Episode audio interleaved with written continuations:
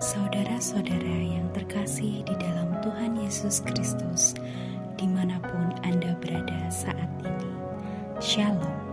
Gembala menyapa pada hari ini diambil dari kitab Yeremia 38 ayatnya yang pertama sampai 13 dan 1 Korintus 3 ayat 14 dengan judul Perbuatan yang mendatangkan nilai kekal.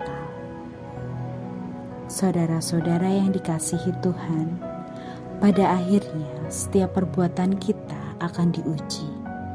Jika perbuatan kita tahan uji, kita akan mendapat upah. Dari 1 Korintus 3 ayat 14. Yeremia terus mengatakan bahwa Yerusalem akan diserahkan kepada Babel dan meminta penduduk Yerusalem untuk tidak melawan, melainkan menyerahkan diri. Mereka yang tidak mau menyerahkan diri kepada Babel dan bertahan di Yerusalem akan mati oleh pedang, kelaparan, dan penyakit sampar, sedangkan mereka yang menyerahkan diri akan tetap hidup pada ayat 1 sampai 3. Para pemuka mendesak raja untuk menghukum mati Yeremia karena telah mematahkan semangat para prajurit pada ayatnya yang keempat. Raja Sedekia terpaksa menyetujui usulan para pemuka. Mereka memasukkan Yeremia ke dalam perigi berisi lumpur. Ayatnya yang kelima dan enam.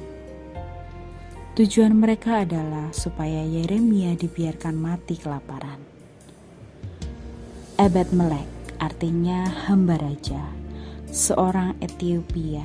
Ketika melihat apa yang terjadi, ia melaporkan kepada raja apa yang dilakukan terhadap Yeremia.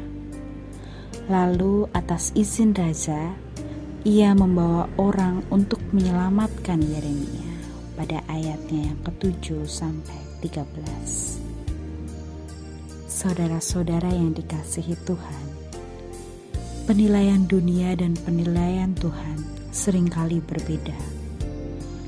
Mungkin bagi dunia apa yang dilakukan abad melek adalah tindakan bodoh yang tidak menguntungkan Bahkan membahayakan diri sendiri. Tetapi ternyata bagi Tuhan perbuatan itu memiliki nilai kekal. Perbuatan Abed Melek itu adalah perbuatan yang sangat berkenan kepada Tuhan. Sehingga perbuatan itu dicatat dalam Alkitab dan akan dikenang sepanjang masa. Kita perlu meminta kepekaan kepada Tuhan supaya kita dapat melakukan perbuatan-perbuatan yang memiliki nilai kekal. Untuk itu, janganlah kita memikirkan apakah tindakan yang kita lakukan menguntungkan diri kita atau tidak. Sebaliknya, kita perlu memikirkan apakah tindakan yang kita lakukan akan berkenan kepada Tuhan atau tidak. Saudara-saudara yang dikasihi Tuhan, belajarlah agar kita melakukan perbuatan yang benar dan bukan yang menguntungkan saja. Tuhan memberkati. Amin.